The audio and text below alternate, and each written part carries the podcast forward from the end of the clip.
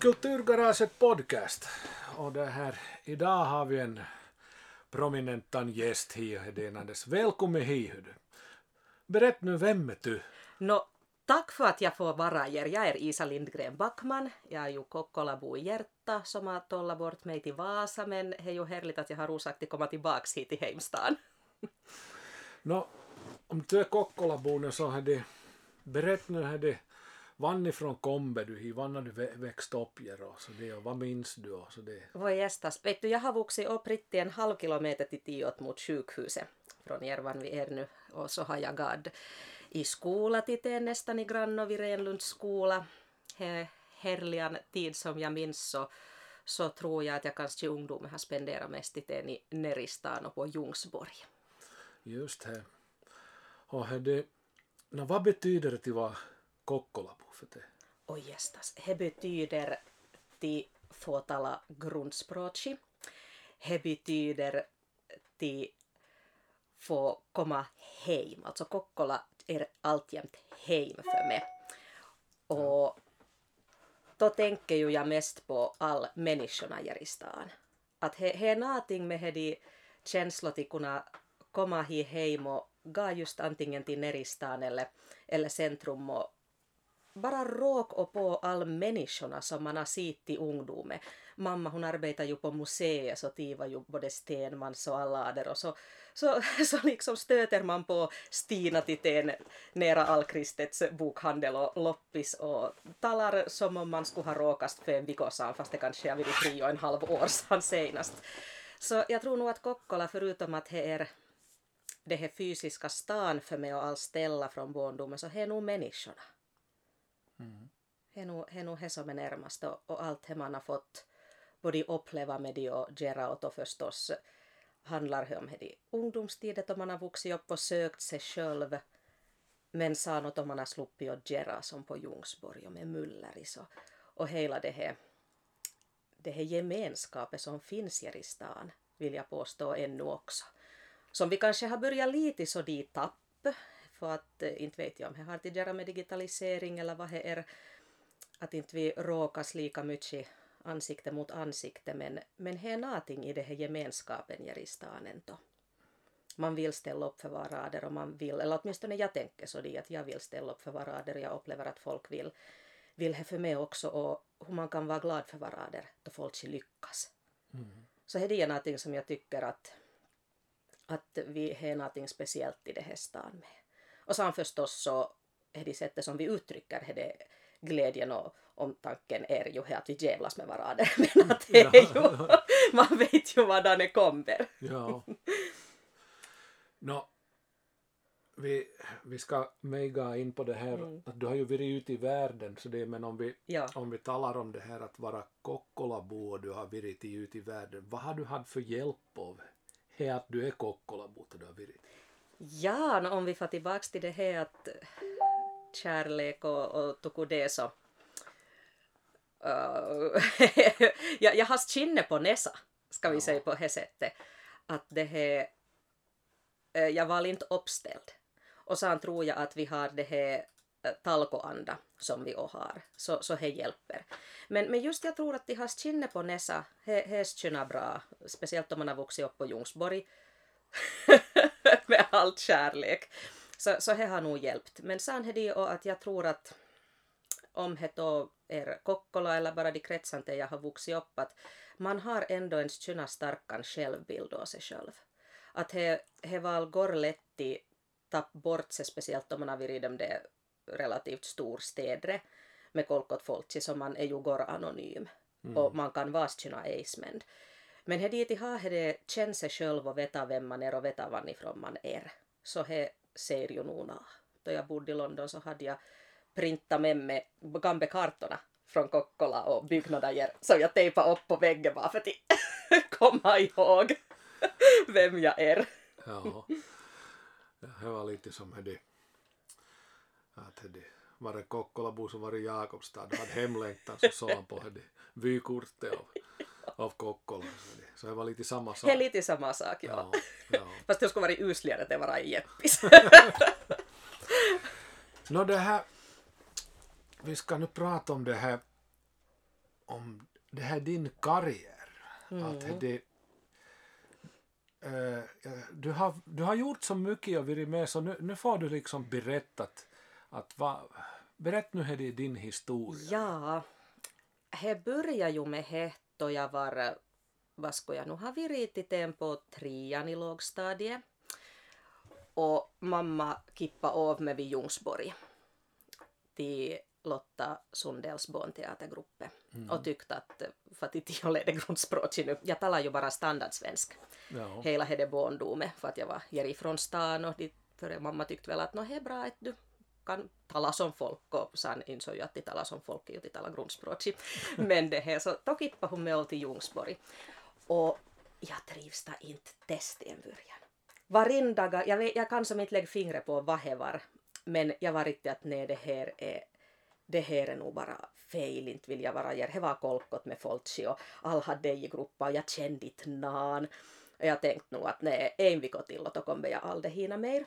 Men sen var det någonting som, jag kan inte riktigt lägga fingret på vad det var som ändrade. För det for en vecka, så for jag tillbaka en vecka baket he och en vecka till och en vecka till och i Saffi var tio och började sjunga med oss och vi skulle börja göra en teaterföreställning och det skulle vara musik och det skulle vara sång. Och, och jag tror att bara de, några stund som man sa han var till exempel Acemed med Affi och Acemed med Lotta och riktigt kom underfund med att aj det är det här som vi håller på med och man märkte att någon ser det och hör det och jag tycker om det här meningen vi har så då ändrade det och sen kom ju inte jag hem därifrån sen 2005.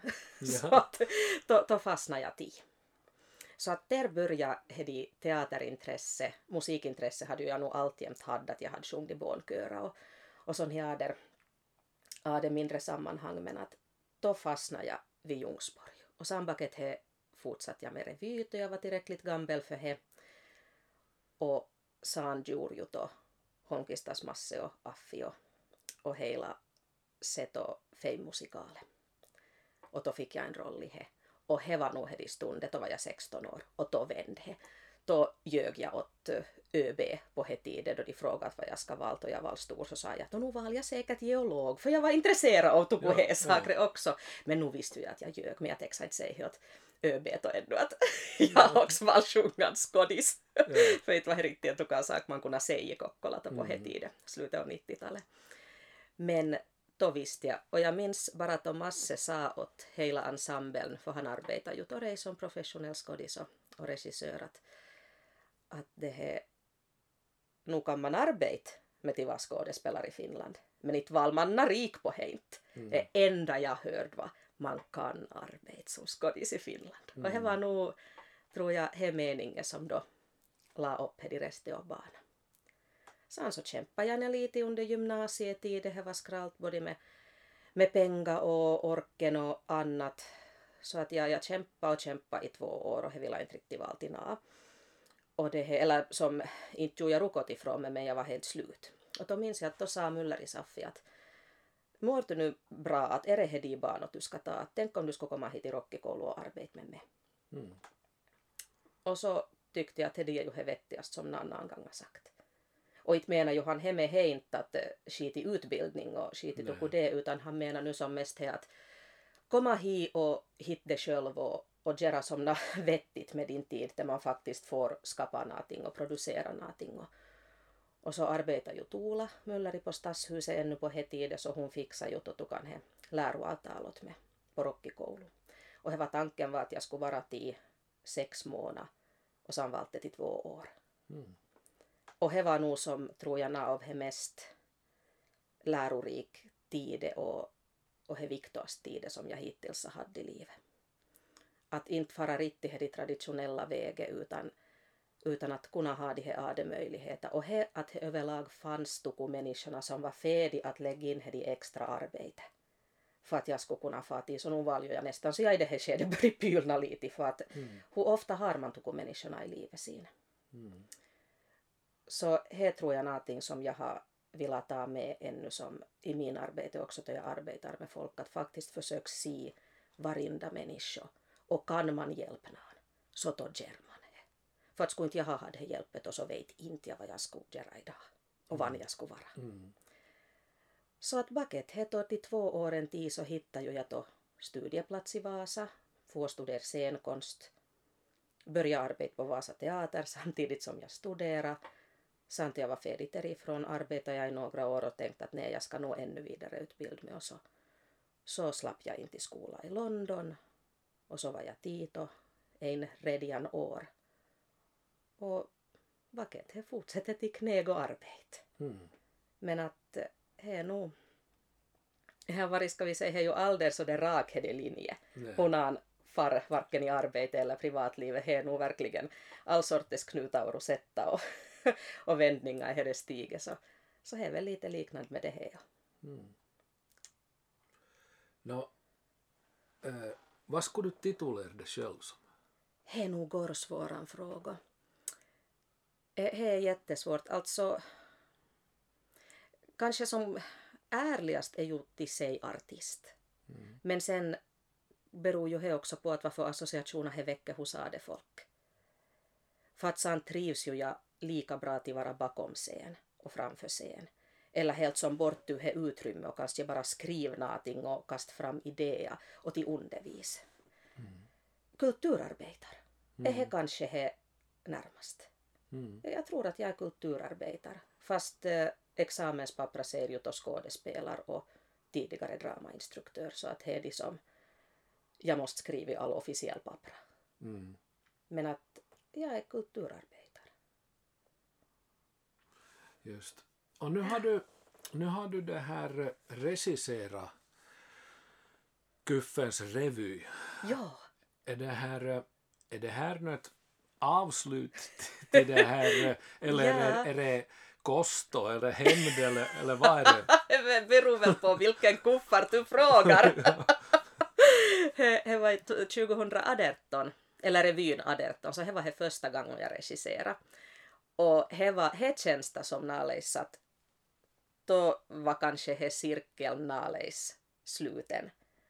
Att få komma tillbaks som professionell om jag nu använder det Ole. Fast jag tycker ju att många på Ljungsborg som är lika professionell. Fast inte testar någonting på sorts intyg.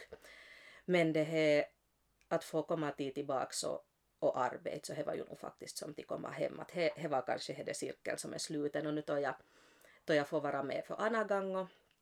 Så det kanske igen känns att det hoppeligen en början på något lite nytt. Att nu hoppas ju jag att inte glömmer till sista gången heller det här revyn. Att det är ju helt underbart att vara på Ljungsborg och med alla de människorna. Så det här, men det är ju som de också, jag tycker att de har en jättebra sätt för att om jag nu har förstått rätt försöker de ha här linjen att de inte har samma regissör alltjämt två år baket. Vilket går bra för att då blir det inte som det var variation i det. För att nu har ju all, all människorna ändå ej sättet sin till arbete. Men att jag tror att nu det här andra gången som jag har varit på Ljungsborg, jag hoppas att det börjar vara en, en period av något nytt då istället. Man börjar hitta en sätt till, till arbete där också. Och det beror ju så på vem all man har med just det året.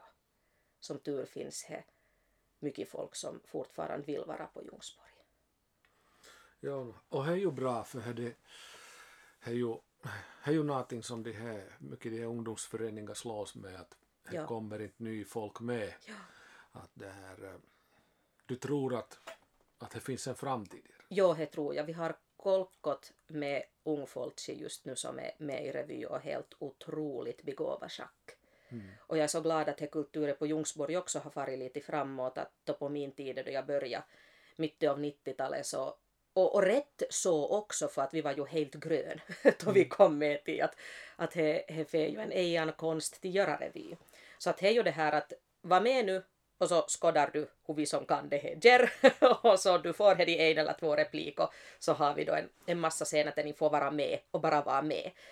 Men att nu också så nå i år har vi också råkat ha jättemycket jättehärlig ungdomar som har skrivit i sketcher. ej. Första året de är med och de skriver en sketch. Nu är det så ganska fantastiskt. Och så finns ju här folk som Holmqvistas Paulina då, som är med och redigerar och stöder och hjälper och jag hjälper ju också och sen bearbetar vi i lag.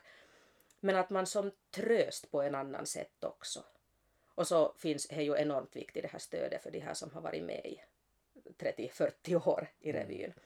Att det finns här i kunskapen om vad som fungerar och, och på vilket sätt. Men att eh, jag är nog riktigt eh, positivt, över, riktigt kanske överraskad. Jag är bara glad att det fortsätter det traditionen.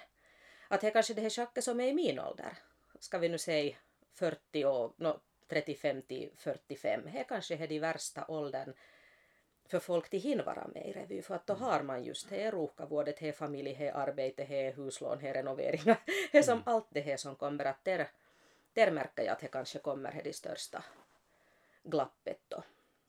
No, det här är ju mycket prat om det idag med de här ungdomarna att de, de har ju svårt att vara i social situation ja. och, och, och det att hur lätt är det för en unga flickor som ännu är 16 år eller någonting och har, har hur lätt är det för en som det att komma med i det här gänget? Alltså jag tror att det viktigaste är just det att få till det första steget. Mm. Att det är kanske det som just bekanta och eventuellt eh, äldre syskona och sånt här kan vara ganska viktigt i att få faktiskt det det första steget in någonstans. För att det tror jag är som är allra svårast, att det märker ju man nog att bara man får folk till komma mm. så då vill de ju nog vara där. Ja.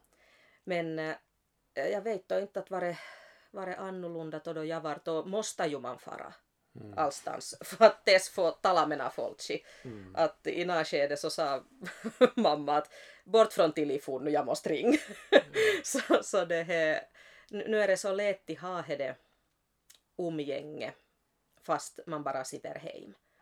Och nu är ju alltså, jag vet nu inte att är det då umgänge eller är det någon sorts illusion av umgänge till vara via skärmen. Alltså det är ju mm. klart att, att det också måste räknas och för någon som kanske är mer av introvert sort och inte mår bra av till vara där som he kolkot ljud och folk så ju hen utmärkt sätt i sätt i kunna hålla kontakter men att he de pakko är som inte likadan som på min tid ännu för tror jag. Mm, mm att man får ändå hedi umgänge och man får vara med kaverina fast att man måste laga sig ut.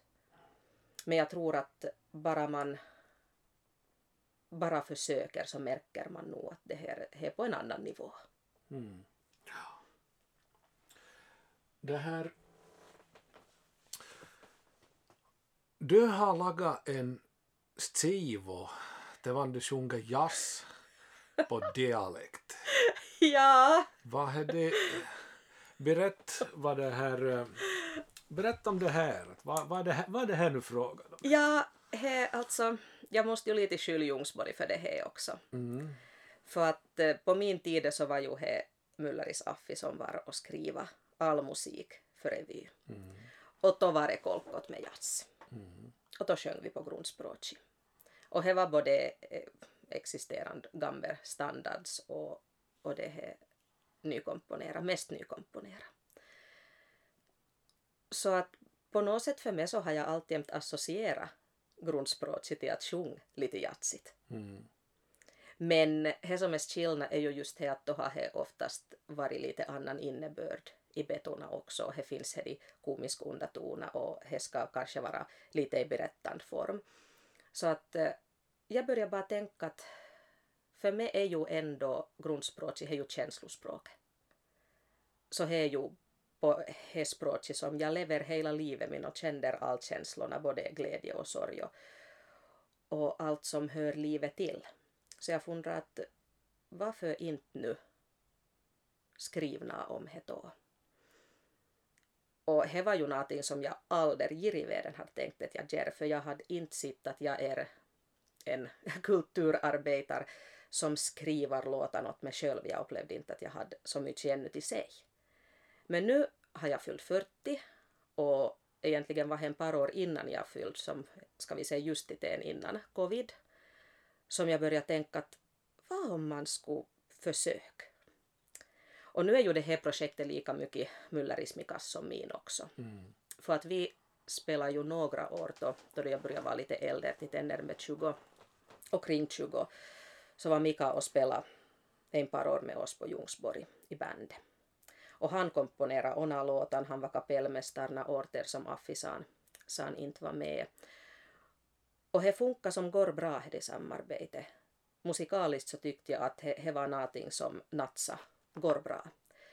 Och vi har ju hållit kontakter så där från och till alltjämt er under åren också baket jag flyttade från Kokkola 2005 flyttade jag från Kokkola så det här, jag la bara ett meddelande åt honom och sa att ska vi börja laga låtar på grundspråket mm. jazslåtar på grundspråket och det var bara, det kom ett ord som svar absolut mm. och, då, och då började vi planera projektet och det var ganska bra igång och så slog ju corona till då. Mm. Och det ändrade ju som på allt. All min arbetsplaner och allting som de får ju helt om för många år framåt för att jag var ju då fastanställd på en teater också och vår repertoar flyttas ju framåt och flyttas framåt och man visste som inte nå att när har man tid över för tukuhe.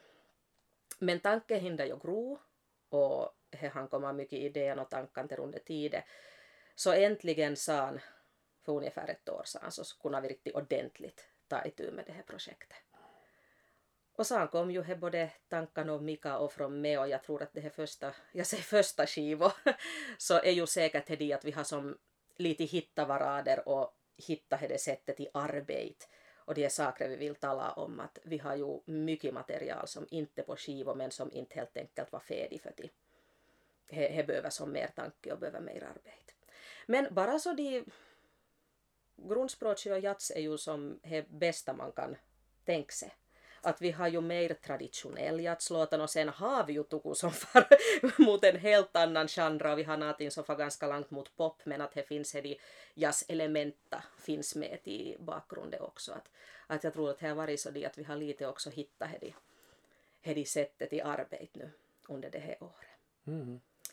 Sen var ju det spännande då vi började banda in skivor så passligt i juli så fick ju jag äntligen då covid för första gången. Mm. Och jag harklade mig lite i två dagar och då var det som förbi. Och så hade jag röst på tre och en halv månad. Mm. Så det var jättespännande att banda in en skiva då. Ja, ja, kan jag säga. Ja. Jag sjöng in all körstämmorna att jag hade stämbanda tog inte ihop för fem penny så det var bara lufte och, mm. och, och häshet. Men då sjöng vi in kördelar för bara så att äh, det är bra med låten som jag skulle vara någon annan. Ja. Men det var lite så det, det var lite bråttom mot slutet. No, no, de här texter som du har skrivit och mm. så är det, vad handlar det om? Vad sjunger du om? Ja, det är ju väldigt mycket olika. Att eh, som texter så blev bara sattuneesta syystä för att vi var och bandade i Linnusperä, Jeri Kokkola, så började handla lite om ungdomen i stan, känslor, lite kanske hemlängtan. Så att eh, de är olika temorna. Så att det faktiskt är anknutit till Kokkola för att det här grundspråket var så starkt i det här skedet. Men sen så är det riktigt äh, väldigt personlig saker också. Som inte jag kanske någon riktigt har öppnat heller mer om där några låtar är, är eh, vad heter det nu skriva åt familjemedlemmar och, och vad heter det nu ader saker lite i, ska man nu säga, poetisk form. Mm. Mm. Så att det är både och. Och sen har ju vi lite velat ha roliga saker med också. Lite ställningstaganden och, och det här annat. Mm. Både att vi ser lite rätt ut och att vi, att vi det här gör lite kan skratt både åt fenomenen och oss själva. Är det lätt till rim på dialekt? Nej, inte det är inte. Men det är Eh, vissa saker går lätt. Ja. Vissa fraser och tankar kommer, går automatiskt och vissa saker så får man arbeta med lite mer. Och sen så tänker jag så det att jag kanske inte riktigt pakko till rim hela tiden heller. Mm. Att beroende på då musiken och, och saker man talar om så kanske man bara kan säga vissa saker. Ja, no, vi ser ju all och vi förstår ju här att du det bara bubblar i det med, med, med, ja. med olika juttorna som du bara brinner åt att få göra liksom. Så det, ja. Vad har du ännu ogjort? Ja, jag har, jag har ju ett manus på hälft. Eller manuset finns. Corona tog ju också musikteaterföreställningen Blåeld ifrån med arbetsgruppen. Jag och Frank Berger har vi började 2017 skriva ett manus om trolldomsförföljelser i Österbotten på se- slutet av 1600-talet. Och det här var tanken att skulle ha premiär i Kronoby 2020. Och det hade ju det inte. Och så hade inte premiär 2021 heller och nu har inte hade premiär i fjol och det kommer inte ha premiär i år. Och vi vet inte vad som händer med det. Men här nu i det skedet att det skulle behöva bearbetas om lite för jag upplever att veden är helt annorlunda nu än det var 2019 då jag var allt färdig med första utkastet av manuset. Så att det är någonting som jag har i bordslåda som vill ut därifrån men jag är lite rädd att ta tag i det för att det kommer säkert att väcka upp ganska mycket sorg och, och mycket tankar och besvikelser och kanske lite rädsla också för att hur ska man Giriveden nu i dagens läge få rod i land det här. Så här är en sak som bubblar i som absolut vill ut. Ja. Men sen så finns ju här nog mycket, mycket annat också. Mm. att det finns, eh, här finns mycket regidrömmar som jag skulle vilja förverkliga någonstans.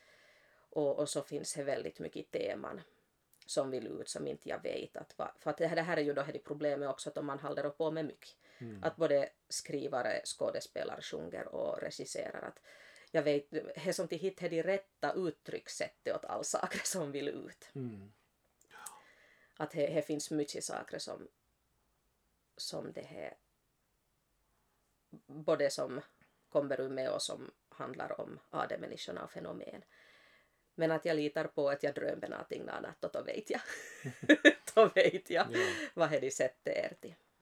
Till Gerardi. No, men det låter bra. Hedi, du har barn.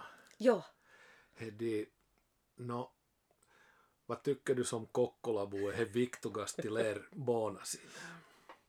Ja.